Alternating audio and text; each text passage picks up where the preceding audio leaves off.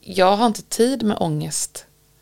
Jag har inte tid att ehm, låta oro gnaga i mig utan jag måste dela med det med en gång. Så att jag tror att så här, mitt råd är väl att om man tar sig då på stort allvar som jag gör och, och att jag vill åstadkomma någonting då kräver det ett arbete med mig själv. Det kräver att jag inte låter saker som är obekväma eller rädslor eller ångestar eller ilskor få bo kvar i mig utan jag, jag måste plocka upp det och titta på det och handskas med det. Och det är ett hårt jobb. Mm. De allra flesta människor boxar in det och lägger undan det och så ligger det där och äter lite energi hela tiden. Yeah. Och det har vi inte tid med.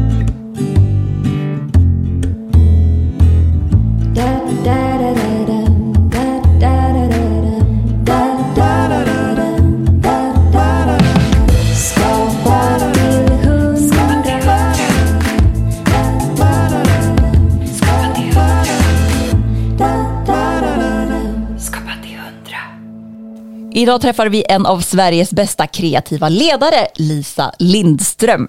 Det här blev ett ganska annorlunda samtal med fokus på ledarskap och självledarskap inte minst. Och hur man kan skapa i team. Bland annat pratar vi om hur man släpper loss en organisation kreativt.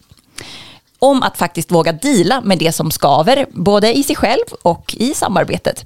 Och sen pratar vi också om boxarnas vara eller icke vara. Vilka boxar hämmar egentligen kreativiteten? Och vilka är en hjälpsam väg framåt? Du lyssnar på Skapa till 100, podden om det kreativa livet.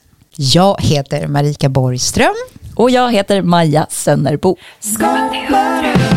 Skapa till 100. Skapa till 100. Hur är läget? Ja men det är bra. Ja. Jag är, jag är ju eh, i en ständig rörelse Ja. men ganska bra på att vara här och nu.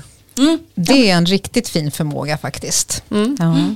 Och det är väl kanske därför du klarar av att hantera så många olika saker. Jag tror det. Eh, jag tänker att närvaro är liksom en av de viktigaste sakerna. Att du inte i hjärnan är på något annat möte eller på det mötet du precis var på. Utan att försöka liksom befinna sig i stunden hela tiden. Lisa Lindström är en av Sveriges vassaste kreativa ledare. I över 20 år har hon varit VD för innovationsbyrån Dobermann som har prisats som Sveriges bästa byrå och Sveriges bästa arbetsplats. Hennes byrå designar digitala upplevelser och produkter åt företag som Klarna, DN och SVT. Och dessutom blev de nyligen en del av det internationella bolaget Ernst Young. Lisa blev då ansvarig för 39 kreativa designstudios runt om i hela världen. Och är det någon som fixar det så är det väl hon. Varmt välkommen till Skapa till 100, Lisa Lindström! Tack så mycket! Vad är ditt kreativa läge just nu? Från 1 till 100? Åh, precis just nu så skulle jag säga att det kanske är runt 80. Jag har haft ett möte nu på morgonen där jag eh, hittade på ett nytt sätt att adressera en fråga. Det är väldigt vanligt att jag gör det. Och sen så feedbackade jag mig själv på vägen hit för att fundera på så här, stod jag kvar i min intention och jag gjorde inte helt det. Så att jag öppnade mötet med att säga så här, eh, nu när vi gick in i det här rummet så gick vi in i ett rum där allt är tillåtet. Och så ville jag att vi skulle befinna oss där och så kände jag att jag själv inte.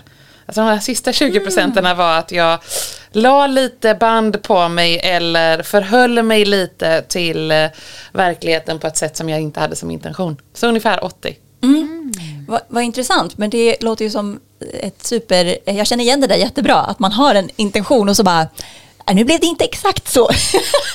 Men just den här självreflektionen låter ju som att det är ett fantastiskt verktyg, eller att liksom kunna förändra det nästa gång kanske. Alltså typ att det blir en ny chans nästa gång.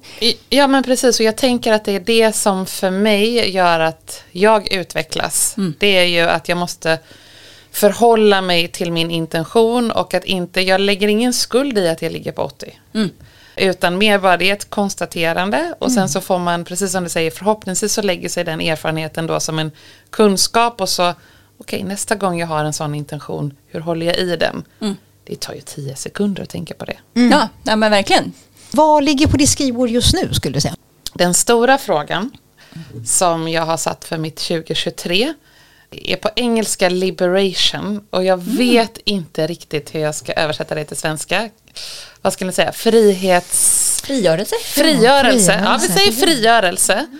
Och det är i den stora bemärkelsen att jag nu då leder eh, 1900 designers eh, i 39 länder. Och har, alla de här eh, har ju olika förutsättningar utifrån den kulturen som de kommer ifrån. Eh, men också den kulturen som det bolaget vi befinner oss i eh, har eh, etablerat.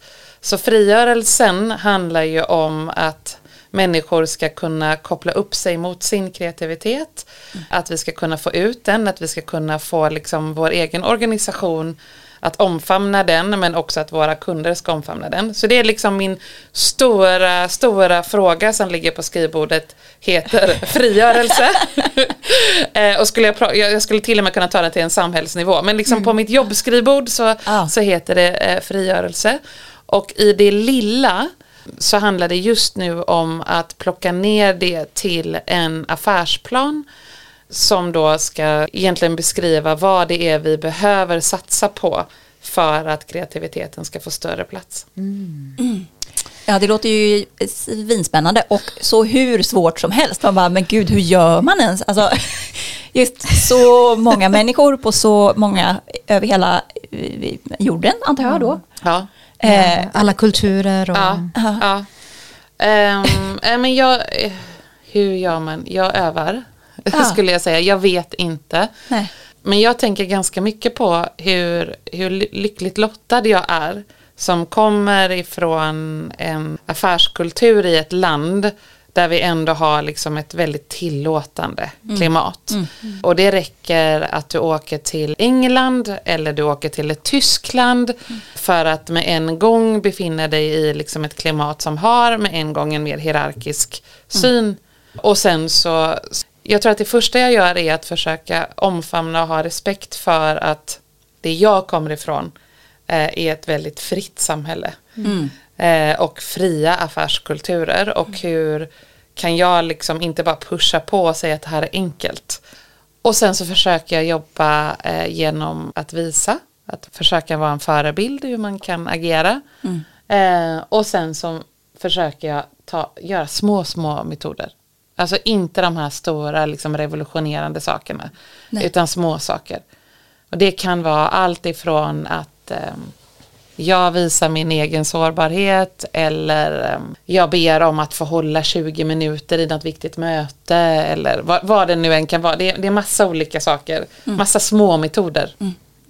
Ja, det är intressant att den här stora så här, frigörelse, det låter, jag gick en kurs i höstas nu i ja, men, effektivt eh, självledarskap kan man säga, och just det här arbetsmetoder. Att, och då får man ju lära sig att man kan inte ha en to-do som är så där för abstrakt. Frigörelse låter som en typisk så här, abstrakt och för stor uppgift, att du kan inte gå till jobbet så här, okej, frigörelse, check. Eh, Varför inte? Nej men därför att, eller så, precis som du säger, att i praktiken så är det massa små aktiviteter Ja. som blir frigörelsen. Ja, Eh, men det är som, ja, det är som intressant. Fast jag, fast jag vill bara lägga mig i Ja, där. ja, eh, för att så här, fast för vissa människor, typ för mig, Ja. så funkar det att jag går till jobbet och det står liberation i mitt huvud. ja. Så Som en blir det, men det blir ledsagare, som en typ. ledsagare, Ja. precis.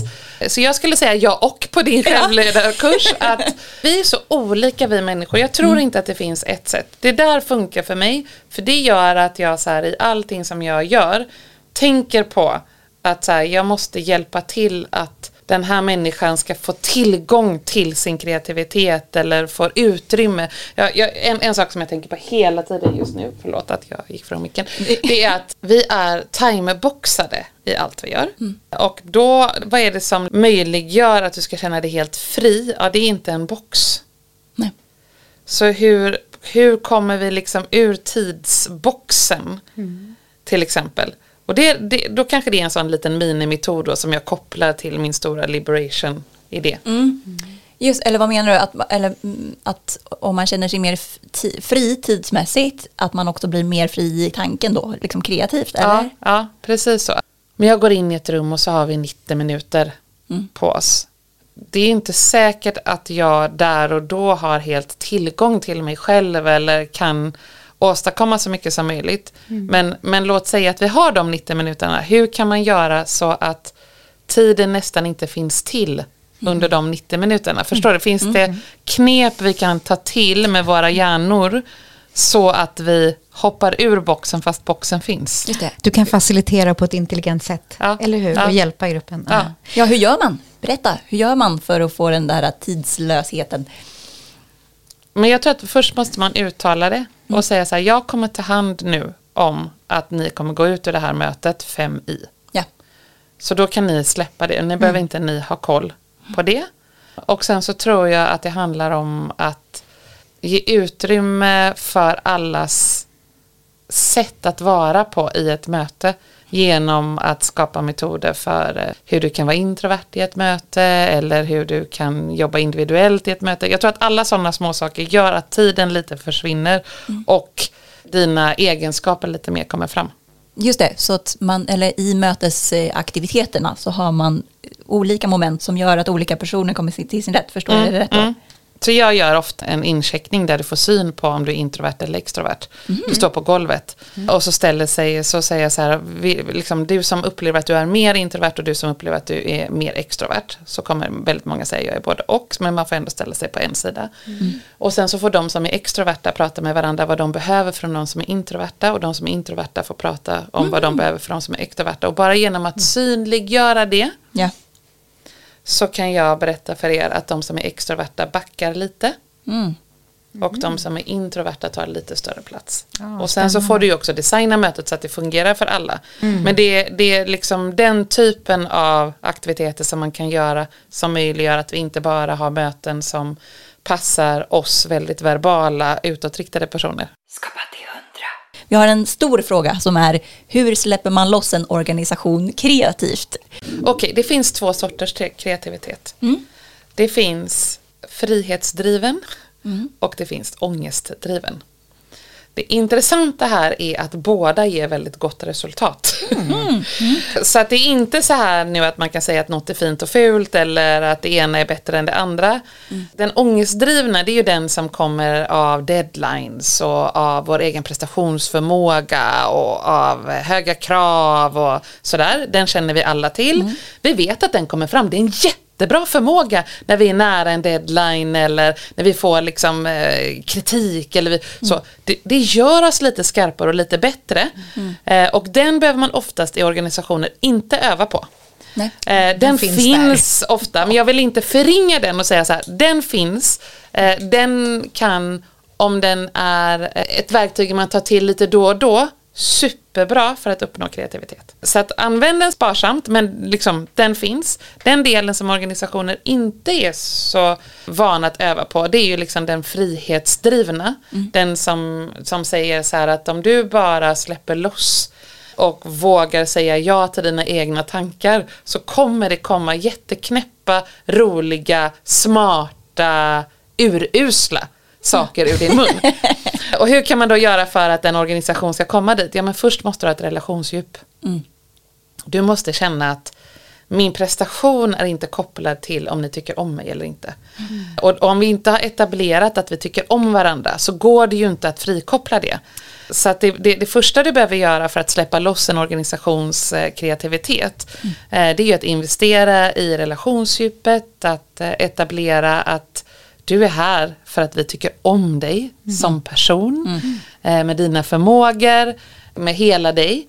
Och sen kan man skapa all möjligt eh, utrymme för att frigöra. Det kan vara som jag ofta säger, säg fem ja innan ditt första nej till exempel. Nej stoppar ju kreativa processer. Precis. Så för, får jag höra fem ja så kommer ju min jätteknasiga idé eller min jättekreativa idé efter en stund.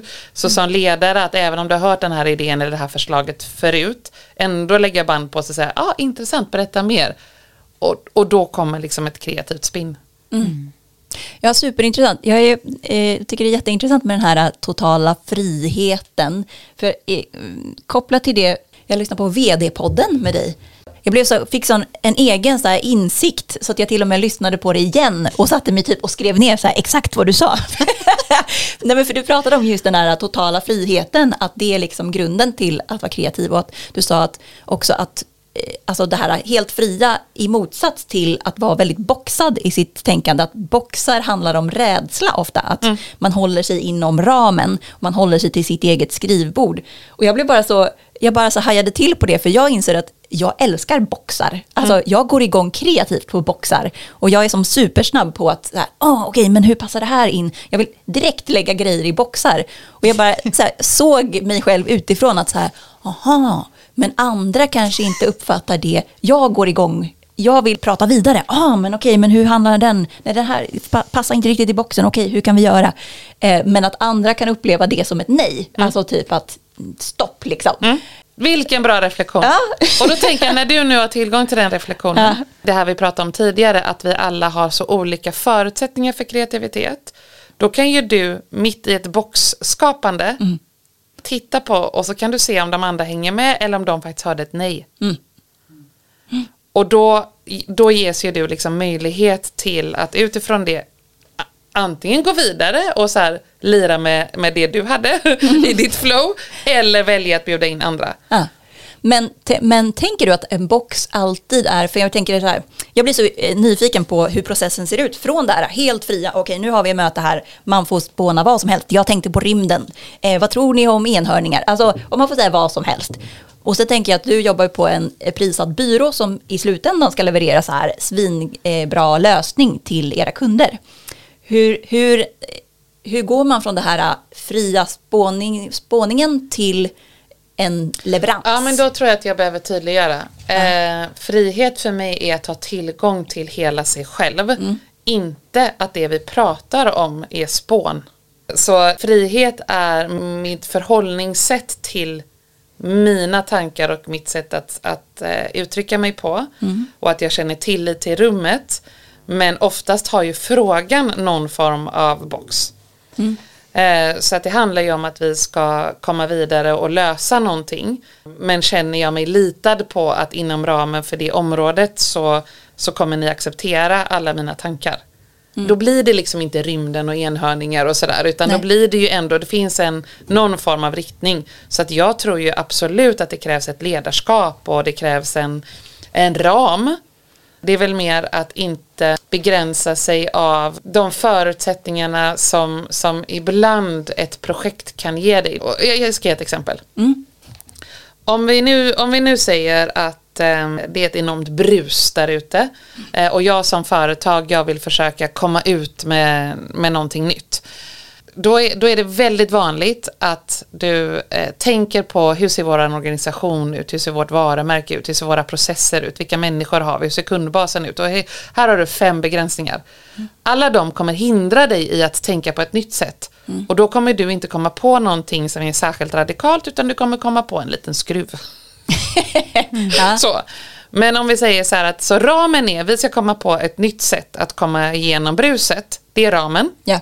Men vi tar bort de där fem begränsningarna som jag sa i början mm. och bara tänker att allt är möjligt. När vi har hittat den idén som vi, vi, vi vill skapa, sen får vi titta på så här, vad är första lilla steget vi kan ta för att testa den idén. Mm. Och då blir det plötsligt greppbart. Mm. Så vi, vi säger så här, vi vill att alla människor ska kunna köra elbil. Mm. Och vi vill därför att eh, elförbrukning ska vara gratis och jättetillgängligt. Då kommer alla säga så här, kommer aldrig gå. Eller hur? så det kommer aldrig gå. Nej. Ja, Okej, okay. vad är första lilla steget på det då? Och hur kan vi, skulle vi kunna testa första lilla steget på det? Ja, skulle vi kunna ta i eh, ett kvarter i Malmö så ger vi tillgång till laddstationer och fri el. På vilket sätt påverkar det människors beteenden? Mm. Tydliggöra ramen för den kreativa diskussionen, mm. hör jag. Mm för att sen släppa loss det in och sen ta eh, de omöjliga idéerna och ta första miniversionen. Typ. Ja, ja. Mm. det första lilla ja. steget.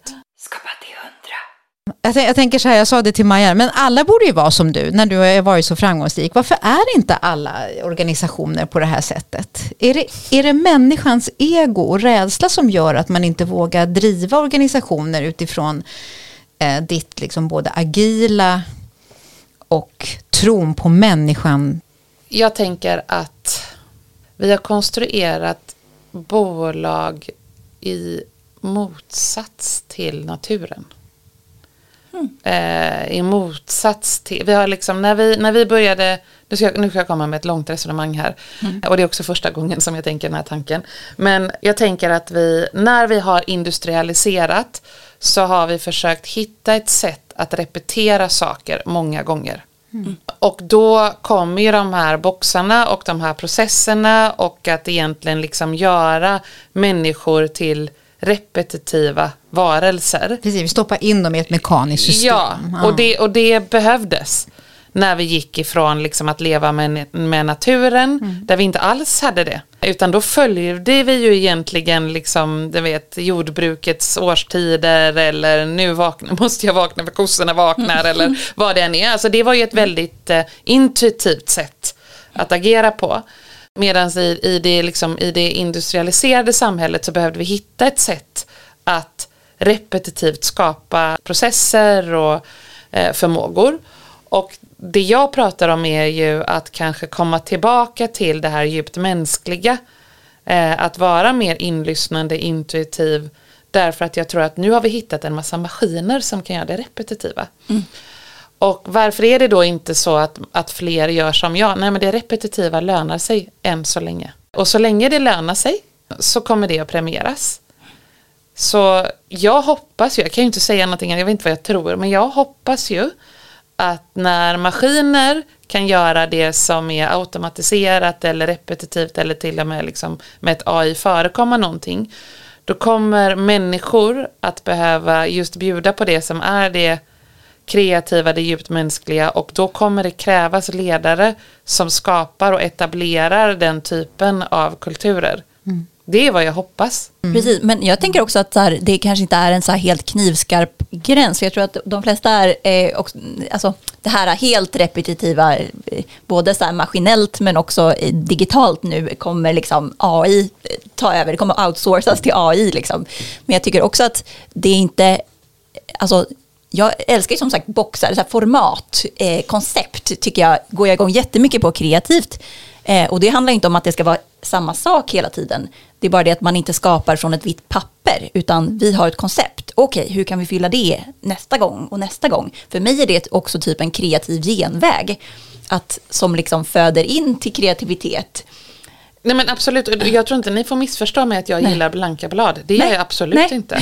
Utan så här, jag gillar ramar. Mm. Ehm, jag tycker till exempel att tid är en jättebra ram. Mm. Eh, det är mer bara det att när vi upplever oss vara inboxade i en dag där någon annan nästan styr över din kalender. Det tror jag inte föder kreativitet. Eh, Men att säga att så här, nu ska vi lösa den här saken på den här tiden eller vi har det här konceptet eller vi har det här formatet. Det tycker jag väldigt mycket om. Ja. Precis, så vad är skillnaden liksom att det ska inte vara så att man känner sig detaljstyrd liksom? Att är det det som är eh, det boxiga som är okreativt liksom? Eh, ja, och, och att vi begränsar oss för att vi, vi ska uppfattas vara kompetenta, pålästa, gärna ha läst den senaste liksom, boken, kunna den senaste teknologin. Alltså vi begränsar oss, tror jag. Det är mer den mentala friheten som jag pratar om. Just det, att det, man känner att man måste vara duktig inom boxarna typ. Mm. Ja, vad intressant. Ja, för jag, jag ser nog boxarna som en mer lekplats. Alltså jag kan lätt säga så här, fast det här funkar inte i den här boxen, ska vi skapa en ny? Alltså, så det är också lite, kanske också vad man själv har för relation, eller hur man förhåller sig till de där boxarna, om det är något, så här, ett prov typ. Mm. Jag ska fylla i det här och få alla rätt. Men, men vet du, jag tror att du är kreatör. Och då tänker man som du tänker. Men de flesta människor som jag jobbar med ska jag ju få Ja. eh, att hoppa ur boxar. Därför att det till och med blir så att du ibland gör saker som går emot dina egna värderingar. Eller det du själv tror på. Därför att du har fått en uppgift framför dig som du utför. Du ställer dig inte ens kritiskt och tittar på så här, ja men gör det här jobbet. Eh, och istället så går du ut på fikarasten och så säger du så här, det här företaget är så dumt, det är så just urbota dumt, jag gör de här grejerna. Och så går du tillbaka och gör dem. Ja, jag fattar. Eh, Det är nog väldigt vanligt. Eh, det är väldigt, Ja, väldigt vanligt. ja. Eh, Eller min chef är så urbotad, liksom korkad. Varför ger chefen mig de här sakerna att göra? Mm. Ja, men man säger Eh, inte så. det. Men man säger inte det, utan man, man, man, man fortsätter att fylla i. Och känner inte att man får lov att bryta det mönstret. det är mer det som jag pratar om än fattar. liksom lådorna. De, de kan säkert funka. Det var jag som hä- hängde upp mig på lådorna. Vi kan, vi kan släppa dem nu. Släpp dem, Maja. Men jag tänker, ska vi prata lite om medskapande ledarstil som vi tyckte var så spännande? Vi var, blev jättenyfikna på vad, vad det är. En liten brasklapp. Ja. Jag menar inte, det här har jag nämligen utforskat väldigt mycket. Jag menar inte att medskapande är att överlåta sin makt till andra. Det har blivit ett missförstånd. Som Eh, chef tänker som du då? chef. Mm. Utan jag menar att medskapande är det bästa sättet för mig att få den kollektiva kunskapen i gruppen. Det är fortfarande jag som fattar beslut. Mm. Och när det blir ett missförstånd då är det liksom, jaha men, men lämnar du bara ut allting till alla och så får alla vara med och bestämma? Eh, nej, det gör jag inte. Utan som chef och ledare så är jag ytterst ansvarig. Det är min arbetsuppgift. Eh, och om jag i en medskapande ledarstil inte får tillgång till kollektivet så kommer till slut jag fatta beslutet. Eh, men det som, det som har blivit så uppenbart för mig det är ju att eh, om jag anställt de klokaste människorna som erbjuder mig motstånd som har olika perspektiv och jag väljer att inte använda det då, då är det ju som att jag tror att jag är smartast. Ja. alltså, hur, hur, hur kan man tro det? Så att det och det är jag inte. Utan eh, för mig så är det att eh, med, på ett pedagogiskt vis förklara vilken är uppgiften eh, som vi ska lösa. Och sen så se till att få med alla de olika perspektiven som belyser då hur andra ser på den här uppgiften eh, som vi ska lösa. Och förhoppningsvis komma fram till ett gemensamt eh, beslut om hur vi ska lösa det och då har du dessutom redan förankrat det. Mm. Ja. Och så finns engagemanget Och så där, finns va? engagemangen att genomföra. Så att det är egentligen det smartaste, tycker jag då, det mest effektiva sättet att få igenom förändring. Det är ju att involvera alla i ett beslutsfattande. Ja. Det, är ju också, det kräver ju också en del av människor. Därför att det betyder ju att om jag säger så här, pengarna är slut. Vi måste sälja mer eh, för att kunna betala era löner. Detta måste vi gemensamt lösa. Ja. Det är klart att en del känner sig jättestressade av det. Och oj, oj, oj, vilket stort ansvar hon lägger på mig. Eh, Ja, det gör jag ju. Så att medskapande är ju inte bara så här härlig tankesmedja Nej. där alla får tycka till. Utan det är ju ett, ett, ett krävande sätt liksom att, att eh, lösa saker tillsammans. Men är inte det spännande också? Att motstånd är ju egentligen en väldigt kreativ kraft. Men att man kanske inbyggt i ryggmärgen att får man ett motstånd så får man ångest. Alltså det skapar en ångest. Det blir som ett hot i hjärnan på en gång. Men att man kanske som chef och ledare skulle kunna våga titta på det där motståndet. Vad det betyder egentligen. Det kanske är, istället för att många kanske bara nej det här har jag bestämt. Så så är det. Tjoff, jag tänker inte lyssna med dig. Talk to the hand. kanske är väldigt vanligt. Det är väldigt spännande om man vågar. Att man måste ha mod där. Som ja, ledare. och då måste det ju det, tillbaka till då att jag måste ju ha självinsikt och se vilka är mina begränsningar och vilka är mina fallgropar. Eh, Så jag kan prata om mig då, som ni har förstått så är jag en, en utåtriktad och ganska snabb person. Eh, Min allergi är eh, personer som stannar i problemet, analyserar, problematiserar eller till och med när, vi, när jag upplever att vi har kommit fram till någonting öppet öppnar lådan igen och säger men har du och så. Eller stannar i någon form av så här, men definitionen av och har du verkligen, det, det är liksom min allergi. Den personen behöver jag omge, omge mig med. Ja. Eh, Så redan för 15 år sedan så valde jag att bygga en ledningsgrupp som bestod av både de formella ledarna och människor som eh, erbjöd friktion. Otroligt jobbigt. Men gud, alltså vad intressant ändå. Vilken självinsikt. Ja. Ja. För du vet att de kan, liksom, det är motsatsen till dig. Det är motsatsen Ja. till mig och kvaliteten i besluten kommer då bli bättre. Mm. Eh, Och då eh, innebär ju det att jag då måste stå ut med att när jag tycker, ni vet att så här, ja, nu är vi klara, så, eh, så måste jag stanna till, lyssna in och då kommer det här perspektivet som jag då kommer tycka är jobbigt. I efterhand så kan jag säga ökade kvaliteten på beslutet. Men där och då, sjukt jobbigt. Jättejobbigt.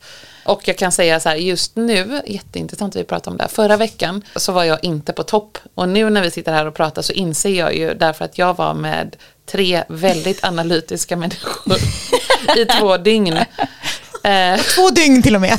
I två Nej men jag inser nu varför det var så jobbigt för mig. Mm. För det var mycket vrida och vända mm. och eh, stå kvar och problematisera. Mm. Och jag tror att det kommer landa i någonting jättesmart. Mm. Inser jag nu när jag sitter här. Mm. Eh, men då är jag ju i mitt skav. Mm. Just det.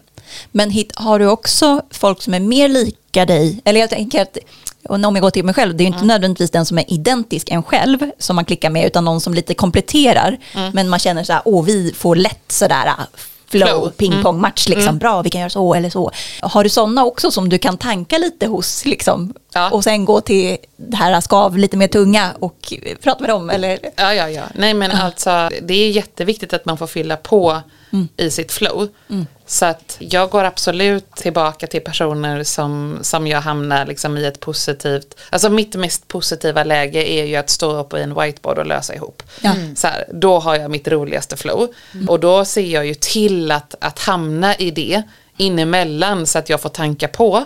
Men det jag tycker att vi tyvärr lite för ofta gör är att vi snarare vi, vi bygger grupper utifrån kompetens och inte utifrån egenskaper. Mm, och det jag pratar om nu är egenskaper. Mm. Eh, och att vi ska försöka bygga grupper som både består av kompetens och egenskaper så att vi får tillgång till liksom då, den totala kraften i mm.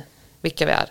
Ja, det är så, det är så eh, tänkvärt. Jag, eh, det är också så här, varför gör man inte så? Alltså det är ju så uppenbart om man tänker mm. så här, mm. hur jobbar jag bra? Mm. Eller liksom mm. att det, absolut, kompetens är ju såklart också viktigt om man mm. behöver vissa pusselbitar för att leverera. Men liksom, det är ju personligheten som är det mest viktiga tycker jag. Alltså ja. i, i, bra samarbeten som man har varit i.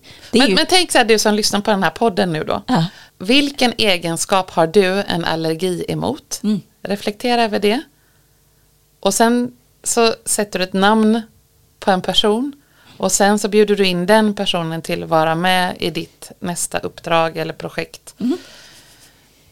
Och så ska vi se om det på, på, på totalen mm. kommer att löna sig eller inte. Jag mm. vet inte, men min hypotes är ju att det är superspännande. Men hur gör du då om du ska bygga ett kreativt team? Gör du personlighetstester på folk eller hur går du tillväga? Jag har ju ett begrepp som vi kallar för casting.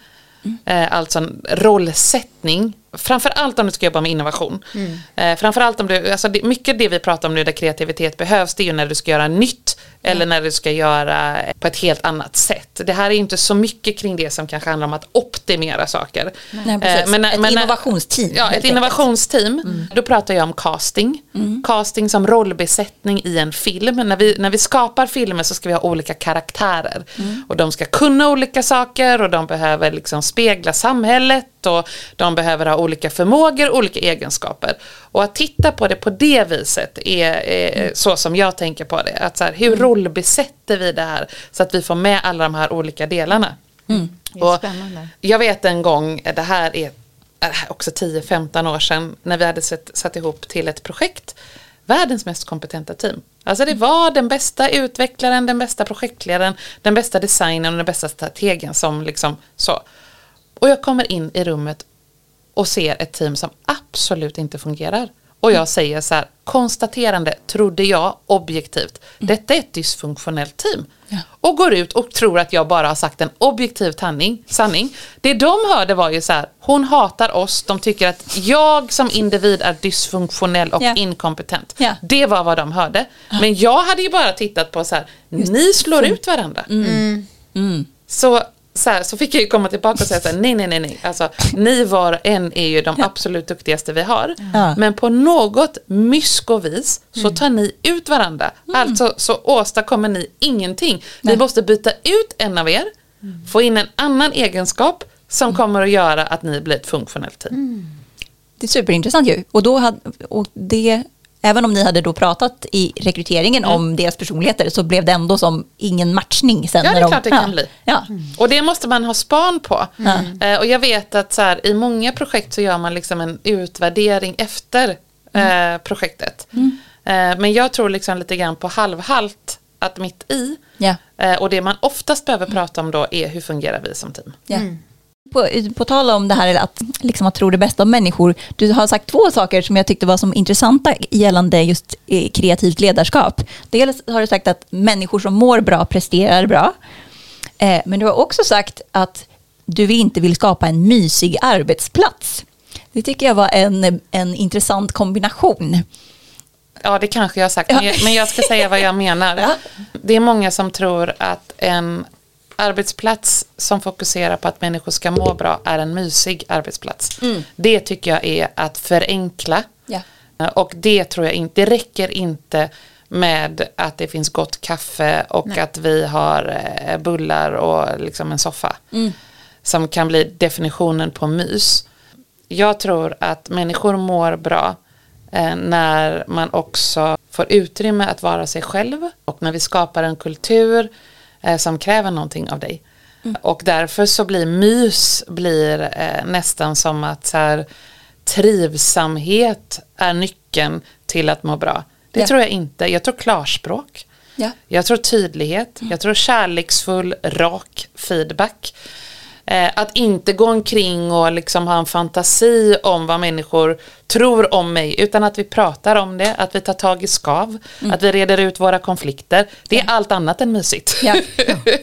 så, så här, det är inget fel på Nej. mys, eh, men det är en väldigt, väldigt liten del av att skapa välmående. Exakt. När man har haft de raka konversationerna, då kan man ta en bulle. Ja. Eller du kanske tar raka konversationen vid en bulle. Men, Exakt, men jag ja. kan liksom... Kommer någon in på Dobermann så, åh vad det är mysigt här och här är en liten eld och, ah nu förstår jag varför ni är så bra arbetsplats. Så bara, Nej, det är ledarskapet här. Ja. Det är medskapandet, det är medledarskapet, det är eh, liksom att dela med sina relationer och sina konflikter. Det tror jag är. Ja. Sen är det också härligt att det finns eh, en, en liten eld när du kommer Ja. in. När du var 20 så, så skulle du göra en blindtarmsoperation som gick snett. Och du vaknar och får besked om att du aldrig mer kommer kunna gå. Mm. Och fem år senare så går du ändå. Mm. Eh, vad, vad, vad hände? Vad hände med dig? Mm, Det var inte så att jag vaknade och sa att jag inte kunde börja gå, utan jag vaknade och låg på sjukhus i nio månader och efter nio månader Okej. så fick jag åka hem med beskedet att du kommer inte kunna börja gå. Så då hade jag haft nio månader av, av hopp först. Okej, jag fattar. Och sen när jag då åkte hem så sa jag till mig själv, fast jag är en sån som går. Eh, så, så jag har ju befunnit mig i alla sorters livskriser. Eh, varför finns jag till? Kan jag vara en person som mår bra och sitta i rullstol? Kommer jag någonsin kunna bli älskad? Kommer jag få en partner? Kommer jag få barn? Jag, liksom, jag befann mig i alla de här livskriserna i åren mellan 20 och 25.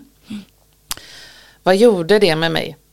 Ja, jag tror att jag behövde eh, se svärtan i livet eh, i alla dess dimensioner mycket tidigare än vad kanske all, eller en del människor gör. Mång, många ser svarta tidigt också. Men jag fick, jag fick se alla dimensioner av svarta. Och jag tror att det har gett mig en enorm respekt för att eh, människor befinner sig i olika universum och vi kan inte veta om alla olika svårigheter och möjligheter som de har varit med om. Men det ger mig också en enorm tacksamhet över att jag kan ju gå idag.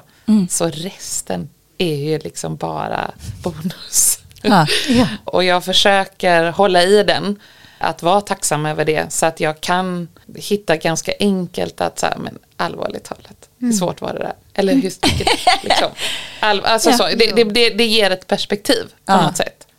Ja, och vad vi, vad vi har förstått så var det också liksom du som var väldigt drivande i, alltså jag tänker att om man blir hemskickad skickad från sjukhuset och liksom läkarna och hela sjukvården säger så här, du kommer aldrig mer kunna gå.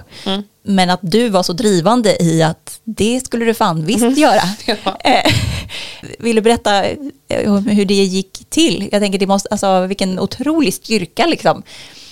Nej men alltså, vi, vi, vi har ju byggt ett samhälle där vi tror att det finns rätt och fel.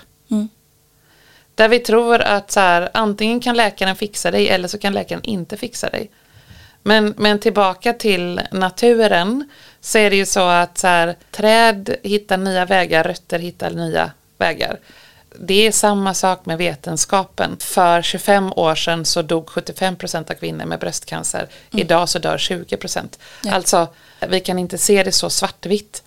Och jag tror att jag såg det inte så svartvitt utan jag såg det som att det skulle visst kunna vara så att jag kan gå. Jag köpte liksom inte vad läkarna sa och eftersom då forskningen går framåt hela tiden så fanns det en ny behandling. Eh, Och så testade man den behandlingen på mig och så lyckades den. Men det är klart att hade jag gett upp där och då så hade jag aldrig fått den behandlingen. Eh, Och det finns ju en orättvisa i vårt samhälle kring det. Att du får inte det givet till dig alltid. Och i, i alla dess olika dimensioner kan vara det som gör att du tar ditt nästa bokstavliga kliv i mitt fall då, men, men tar ditt nästa kliv. Eh, Så vi behöver ju också en, en kulturell förändringsresa i samhället där vi var och en förstår att så här, jag måste inte köpa läget.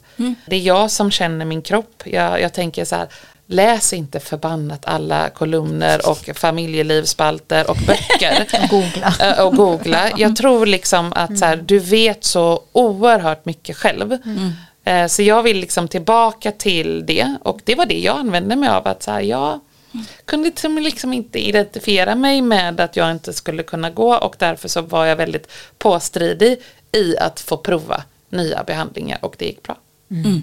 Ja, fantastiskt. När du ser tillbaks på det här idag, Mm. ser du det som en gåva, den här erfarenheten, eller Nej. hade du varit Nej, den du jag var ser idag? det inte som en gåva. Nej. Jag vet att många vill tillskriva att jag inte hade varit den jag är idag utan det där. Jag har ingen aning.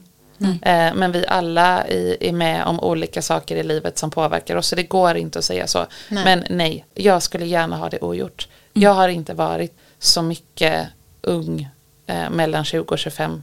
Jag har inte rest runt i världen. Jag har inte festat, hånglat. Jag vet inte vad ni gjorde. Busat. Mm, Det skulle jag gärna ha velat gjort.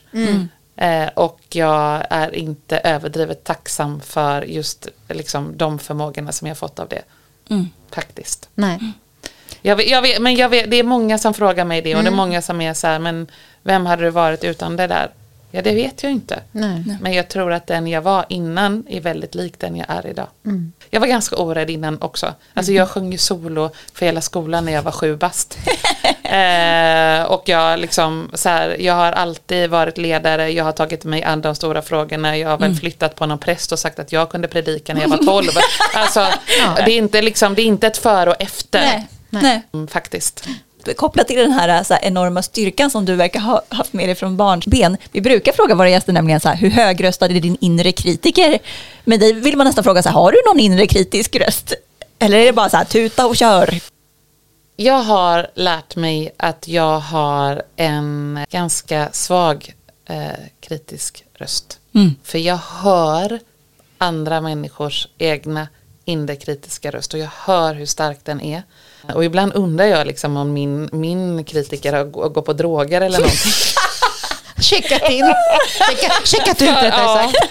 Nej men för att eh, eh, nej den, den är inte så högljudd eh, faktiskt. Och, och jag vet inte om det är sunt faktiskt. Alltså jag kanske borde lyssna lite mer på den där. Men det finns en, en, eh, en liten Lisa och när hon kommer fram och när hon är liksom självkritisk då handlar ju det om liksom hur mycket plats jag tar och om jag kör över, om jag är lika inkluderande som jag förutsäger mig att vara eller sådär.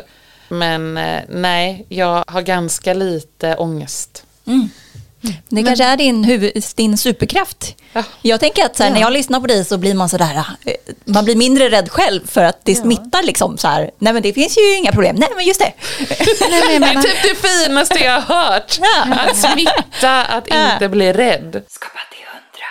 men jag, jag tänker bara hela den här utmaningen som du har nu i din nya roll.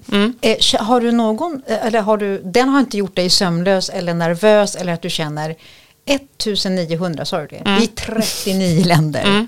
Och med tanke just på hur ledarskapet ser så olika ut. Är du rädd för det här motståndet där det kommer finnas de som liksom känner att du blir en hotbild när du kommer? Eller du älskar kanske hela den här utmaningen? Jag älskar utmaningen. Jag är också lite frustrerad för att jag har lite eh, dåligt med tålamod. um, jag är inte rädd, eh, men jag är utmanad. Mm. Uh, det är en jättesvår uppgift. Så jag tror att jag umgås med att dejta min förmåga, om det går att säga så. alltså att så här, Lisa, har du tillgång till det som krävs nu för att möta det här? Och så dejtar jag den förmågan och umgås och tittar på att jag kan ibland känna att jag har ingen aning. Eller, alltså förstår ni, jag mm. liksom umgås med mina svårigheter mm. eh, och står kvar i det en stund. Mm.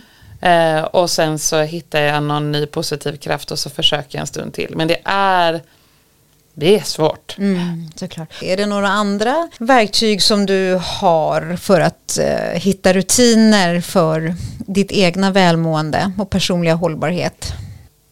Jag tar mig själv på ganska stort allvar. Jag känner mig så lyckligt lottad att eh, jag är frisk och att jag får möjlighet att verka. Så jag är väldigt mån om eh, att jag ska hålla. Mm. Jag är mån om att mina tankar och mina egenskaper och min kraft ska få plats. Så att jag har inte tid med ångest. Mm. Jag har inte tid att eh, låta oro gnaga i mig utan jag måste dela med det med en gång.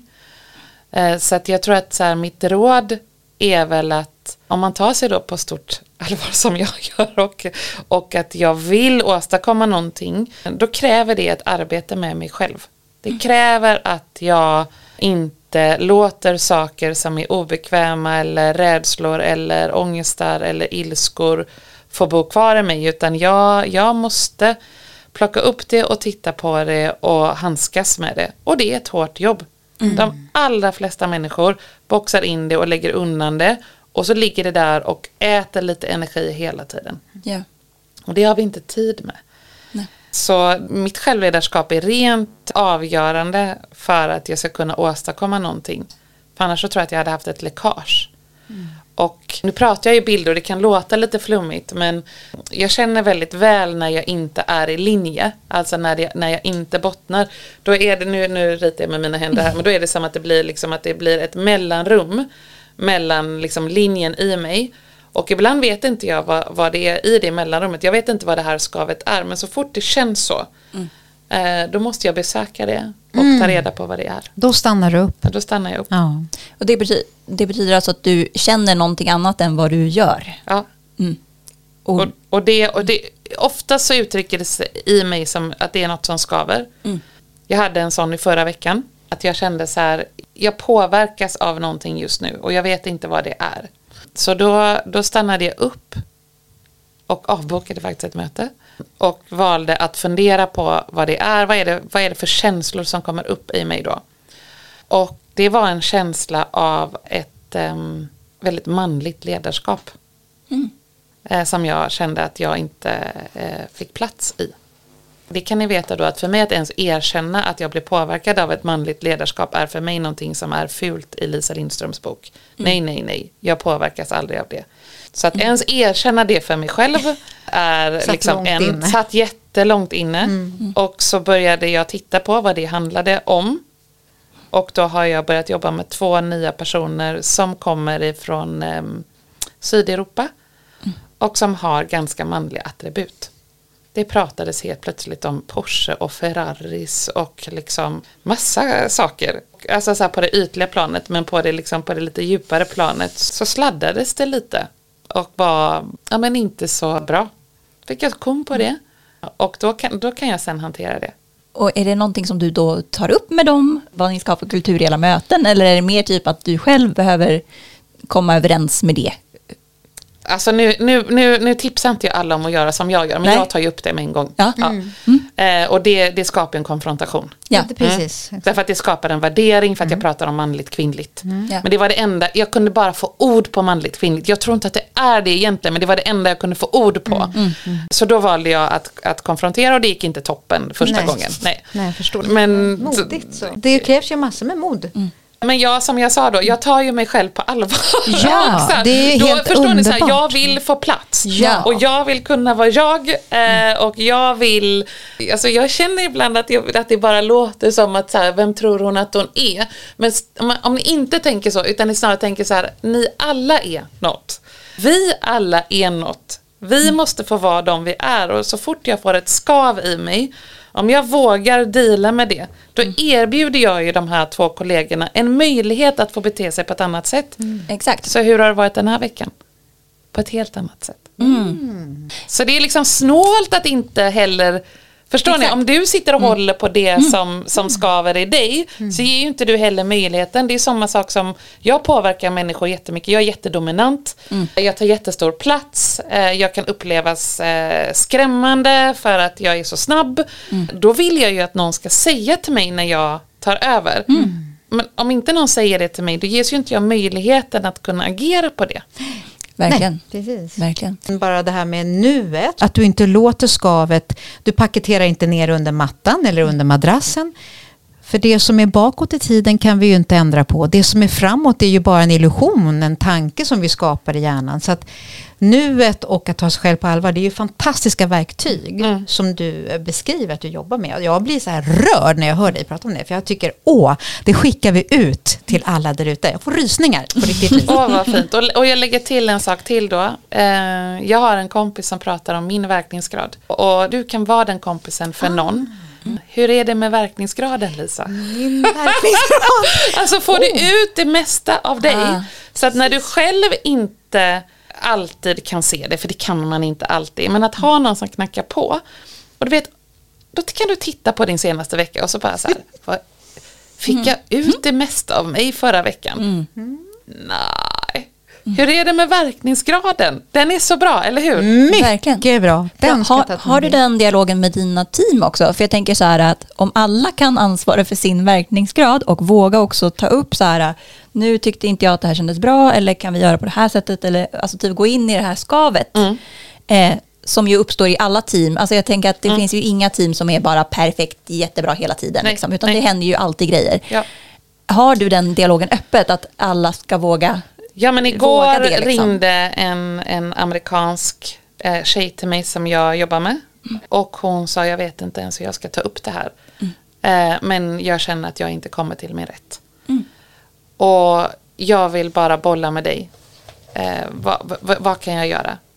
Och, och hon vill prata mer. Hon vill, ehm, hon vill bli mer lyssnad på. Hon är native american. Hon är native american, parentes, ett av de platserna där jag tror att frigörelsen behövs mest. Så att det här är inte liksom att jag bara pratar om Kina och Indien där vi har utmaningar utan vi pratar också om USA. Ja. Där jag tycker att det finns enorma tryck på konformitet. Eh, och då, och hon är native american och hon säger jag är i möten med dig Lisa och jag ser att du, eh, att du vill att jag ska prata mer. Men jag är inte sån som person. Och då frågade jag henne, vill du ändra på dig? Nej. Vad bra, sa jag. Då är det ju ledarnas roll att hjälpa dig att bli lyssnad på. Om du vill ändra på dig, om du vill ha en starkare röst eller vad det än kan vara. Men hon dealar ju med sitt skav.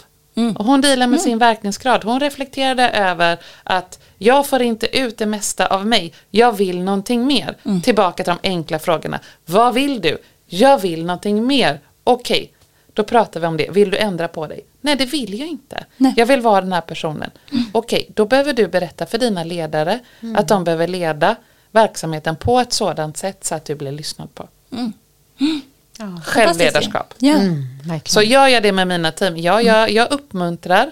Jag försöker få oss att prata om vad som står i vägen eller, eller så. Jag, jag kan ofta i liksom vissa strategiska projekt vara den som kommer in just och gör en sån här halvhalt. Och så här, hur funkar samarbetet? Vad är det som skaver?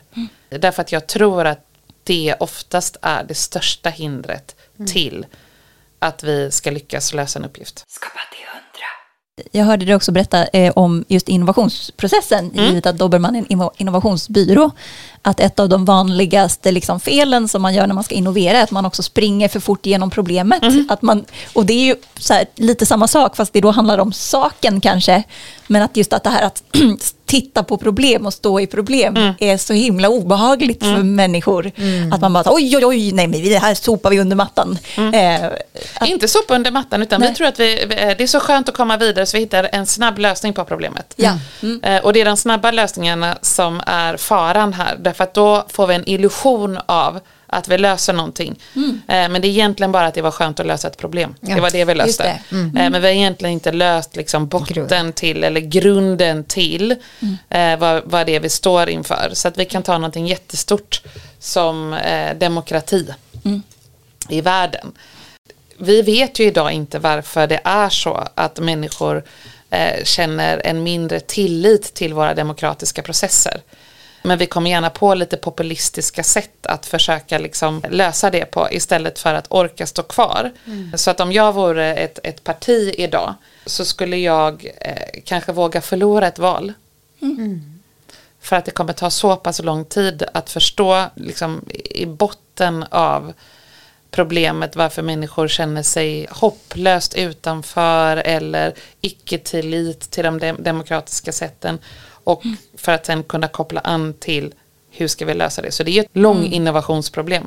Just Så jag, jag tror att man måste tycka om att stå i osäkerhet när man jobbar med innovation. Jag tror att man måste tycka om att eh, förstå på djupet. Eh, jag tror att man måste ha koll på att vi människor älskar att lösa problem lite snabbt.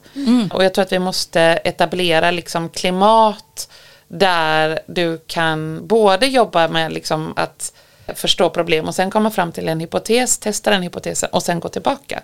Det var inget, det var inget misstag vi gjorde. Vi var i en lärandeprocess. just det. Precis, det finns inga misstag. Nej. Finns det något som du drömmer om att förverkliga framåt? Jag drömmer om att ha på ett litet sätt påverkat samhället till att bli mer inkluderande, mer lustfyllt, lite vackrare och väldigt, väldigt mycket mer eh, demokratiskt. Det är stora ord men, men när, jag, när jag väljer att eh, kanske bara ägna mig åt min familj så hoppas jag att jag har på något sätt kunnat påverka världen till att bli lite, lite mer kreativ. Underbart. Det är du som har de här stora orden på din to-do. Ja, och vi, men vi hade tips på det. Vi tycker du ska skriva en bok, Lisa. Tycker kanske har ni? det på, Ja, ja, verkligen. Du måste ju liksom få ner det här. Ja, Jag har bara inte tålamod. Ring mig, jag, jag Ja, jag skriver. kan hjälpa dig. så, så. Ja. Jag kan coacha. Vi, vi får snacka om det där alltså. Om, om, den, om, om jag ska skriva en bok så hade jag tänkt att den skulle heta How to make people brave. Ja. Wow, fantastisk bok. Det är en bestseller direkt, det hör man ju. Ja, det, absolut. Vill du tipsa våra lyssnare om något som inspirerar dig? Systemtänkare. Indy Johar, Anab Jain, människor som använder design och medskapande för att förändra system. Titta på Anab Jains TED-talk. Ja. Börja där. Anab Jain. Anna Jane. Om man vill närma sig ditt hantverk och har lyssnat på dig och tänker så här, yes, jag vill också bli en sån här fantastisk kreativ ledare som Lisa. Var ska man börja då? Ta en eh, kvällskurs på eh, Hyper Island eller Bergs eller eh, Nackademin eller någon kreativ skola. Alternativt eh, investera i en veckas ledarskapsutbildning på en Human Element eller UGL. Är det samma tips då för att bli mer kreativ? Mm, Nej, men tipset då efter den här eh, stunden med er är eh, deala med dina skav och säg ja till dig själv. Underbart. Tack snälla för att du ville komma hit Lisa. Ja, tack så mycket. Tack för att jag fick komma. Skapa till Om du gillade det här samtalet ska du klicka på prenumerera i din poddapp så missar du inte nästa samtal. Du får också supergärna lämna en recension. Och gillade du just det här samtalet lite extra så dela det i dina sociala medier så hittar fler till Skapa till 100. Det här var en spännande förmiddag. Verkligen, det var drama från, från första stund nästan. Det var ju faktiskt så att vi inte ens visste om Lisa skulle komma och hade nästan gett upp hoppet och sen plötsligt steg hon in eh, i sin ljuvliga klänning. Ja. Eh, Så fick vi ändå ett jättehärligt samtal. Vacker och glad och full med energi. Mm, ja, en riktig power, powerkvinna Ja, får man säga. Fascinerande med någon som är så, så här, orädd och nästan verkar så här född så. Ja. Eh, Det som slår mig lite så här, med lite större penseldrag, det är ju eftersom jag annars också jobbar med att liksom eh, hjälpa människor att utvecklas och leda och teamutveckling och alltihopa. Att Just det, du är nätverksledare. dels är jag Ja. nätverksledare och sen så jobbar jag som konsult i förändringsledning också. Eh, Och så tänker jag så här, gud, om alla jobbade som Lisa gör, då skulle, vi inte, då skulle inte jag ha något jobb. Nej, det, det är långt kvar så Ja. du sitter tryggt. Ja, precis. Men vad jag, vad jag menar med det, det är ju hennes förmåga att hela tiden jobba med den här självreflektionen. Att hela tiden gå tillbaka till sig själv, syna korten. Äh, det är otroligt modigt och jag tänker det som hon pratade om det här med att det som skaver, det som gör ont, att vi som människor är så rädda och oftast har flyktbeteendet och liksom lägger undan det i någon box eller någon annanstans i oss, i vår själ. Och, men det ligger där och skaver likt förbannat. Men det är så coolt att hon säger, jag har inte tid med det. Nej. Jag har inte tid med ångest. Maja, på riktigt, har du träffat en människa som säger, nej men jag har ingen ångest. Det har inte jag tid med. Nej, det är ju faktiskt väldigt få. Och det är ju också det är ett fantastiskt redskap, verktyg. Oavsett om man är chef eller inte tänker jag. Alltså va, varenda människa som Ja. både liksom i ens yrke och i ens privatliv, alltså i livet. Ja. Att liksom, vilket allround verktyg, multiverktyg. Mm. Både så här, ha en, som hon hade, så här, reflektionsstund med sig själv. Eh, hur känns det nu? Lyckades jag med det som jag tänkte? Eh, ska jag göra annorlunda nästa gång? Men också att i team faktiskt, eh, alltså typ bygga den här kulturen, att man får prata om saker. Ja. Och att det är liksom inget konstigt. Nej. Nej men jag blev sugen på att jobba med dem bara för att eh, uppleva det. För det känns, jag har aldrig jobbat på en sån, i en sån miljö där det, där det är så uttalat liksom att vi pratar om saker, är det något som inte funkar så dealar vi med det. Eh, och eh, vi vill att alla ska komma till sin rätt. Liksom. Ja. Alltså, va, otroligt häftigt faktiskt. Ja, verkligen. Och det som jag gillade också till dig, jag tänker till dig som lyssnar och, och eh, mig själv och det som du säger, självledarskapet är ju någonting för oss alla, liksom i livet. Mm. För hon som är eh, ganska häftigt, det är ju att hon tar sig själv på stort allvar. Mm. Ja. Det är någonting att reflektera över. Att jag vill ta plats. Mina tankar och reflektioner som jag är ska få, ska få ta plats. Samtidigt som hon är medveten om att hon är en väldigt dominant person. Att hon tar väldigt mycket plats. Och hon har ju hela tiden eh, den här medvetenheten också. Med sina instrument och vad man sänder ut och hur man kan påverka människor. Men det är så himla häftigt. Tar du dig själv på allvar?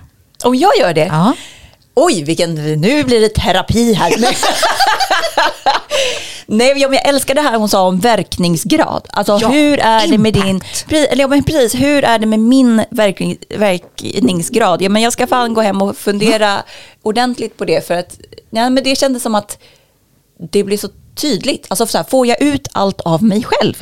Varför, varför inte? Vad Ja. kan jag skruva på? Och, och jag gillar också att hon också satte det i, i, i relation till liksom företaget. Att det är inte som att en person ska komma till sin rätt utan alla. Men liksom, man själv kan ju bara ta ansvar för vad är mina behov? Liksom? Ja. Vad, eller hur, alltså, det är ju där man får börja på något Ja. sätt. Det är svårt att gå och gissa alla andras verkningsgrad. Eller på något sätt. Ja. Eh, ja, nej, men så det är verkligen en, jag ska sätta upp det på, min, på mitt eh, hemmakontor. Har jag en stor vägg som är kork eh, som jag har gjort som en jättestor anslagstavla. Åh. Där har jag så här små, eh, små lappar där jag skriver upp så här tänkbara grejer som man kan fundera på.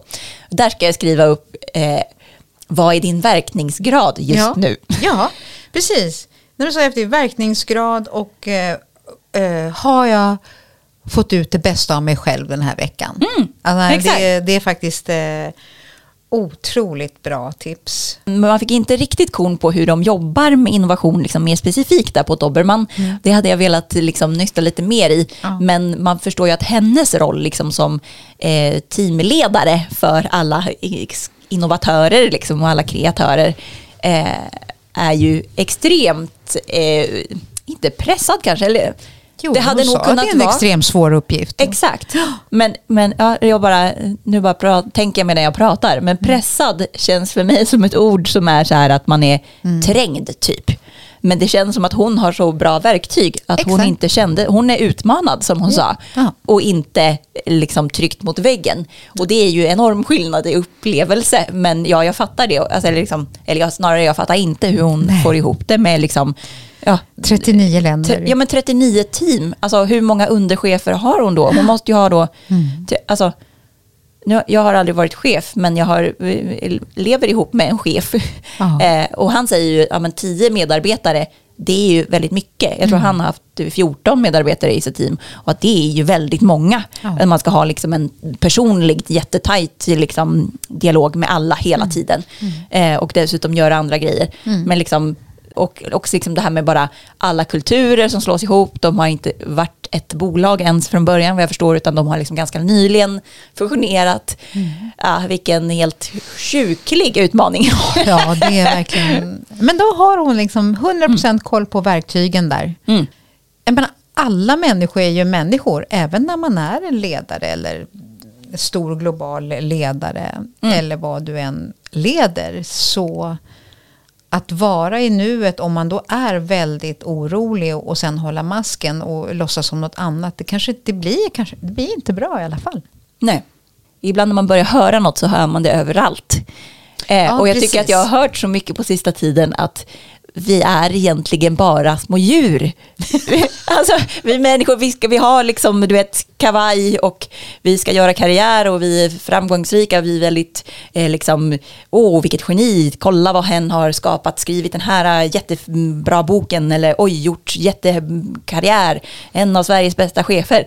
Men egentligen är vi alla bara små djur som vill liksom höra till flocken Ja. och eh, liksom, ja, men har så här väldigt basala behov när det kommer till, alltså, och att det är liksom något, oavsett hur framgångsrik man är eller liksom Oavsett eh, ens ah, befogenheter eller ansvar, liksom roller, så, så finns det alltid med på något sätt som, en, som ett perspektiv. Jag kan höra det också i Elisas, även om hon inte säger så här, alla mina anställda är djur, eller jag är bara ett djur, så är det ändå så här att ja, men vi, eh, i botten är vi människor, människodjur liksom, Ja. med människodjurens behov. Ja, verkligen. Eh, och det känns som att på så sätt så även om jag inte har varit hög chef, chef vd själv så kan jag ju eh, så köpa det 100% att ja, jag skulle gärna bli ledd av henne till exempel Ja, för att hon verkligen. känns så otroligt både driven och eh, mänsklig och det är väl eh, så här eh, det bästa av båda världar liksom. Ja, Ja men inte heller bara det här med att mysa på jobbet och nu ska vi ha trevligt utan verkligen så här ställa krav,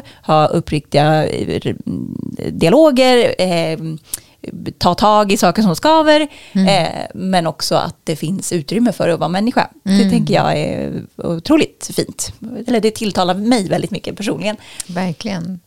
Vad tar du med dig? Nej, men jag tyckte bara det var så underbart att eh, höra en människa som är så, till synes i alla fall, jordad i sig själv och har en sån hög medvetenhet i sitt egna självledarskap. Alltså, Wow. Och eh, förlåt om jag är lite sån då, men jag, jag tycker och kanske att eh, kvinnor överlag finns, men det kan vara precis lika mycket för män också, att eh, ta sig själv på allvar där ute. Att eh, verkligen avsätta tid till eh, egen reflektion och att... Eller vad menar du? Att, att kvinnor är bättre på det eller sämre Nej, det? jag tycker ofta sämre. Mhm. Vad är, em, baserat på kvinnor du träffar eller?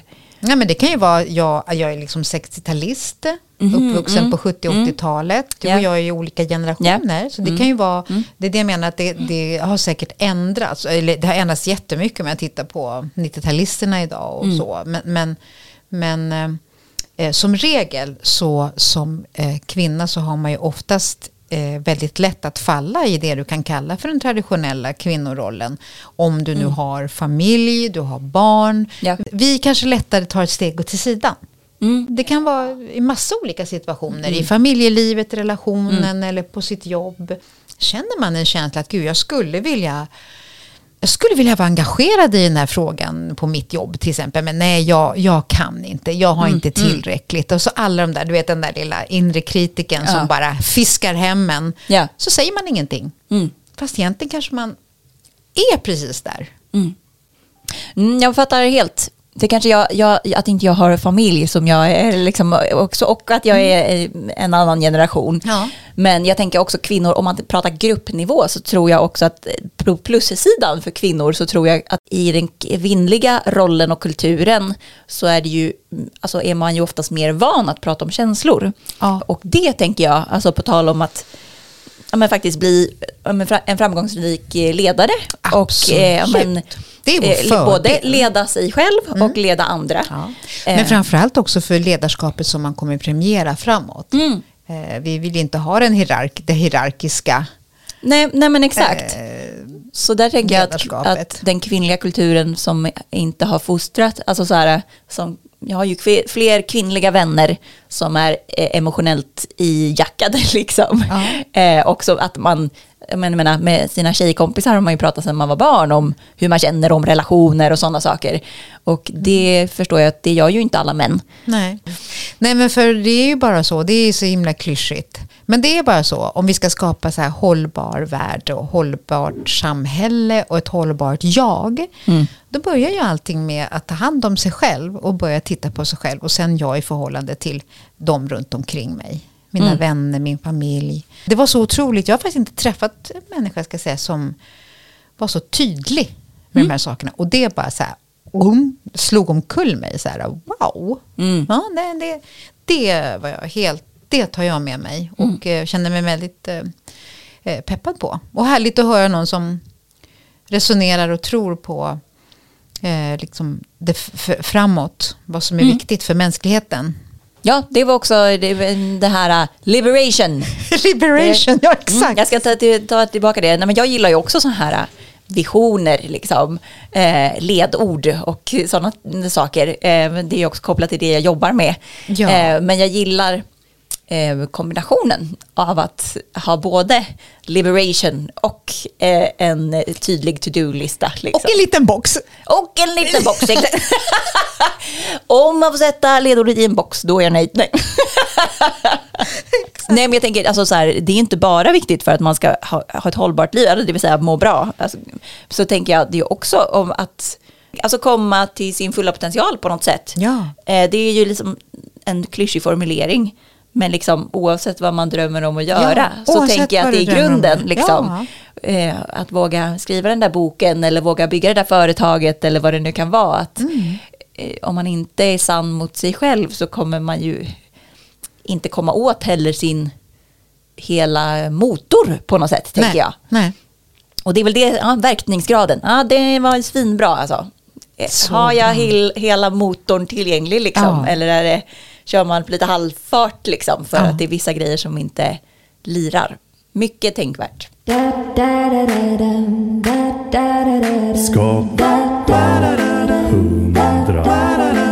Skapa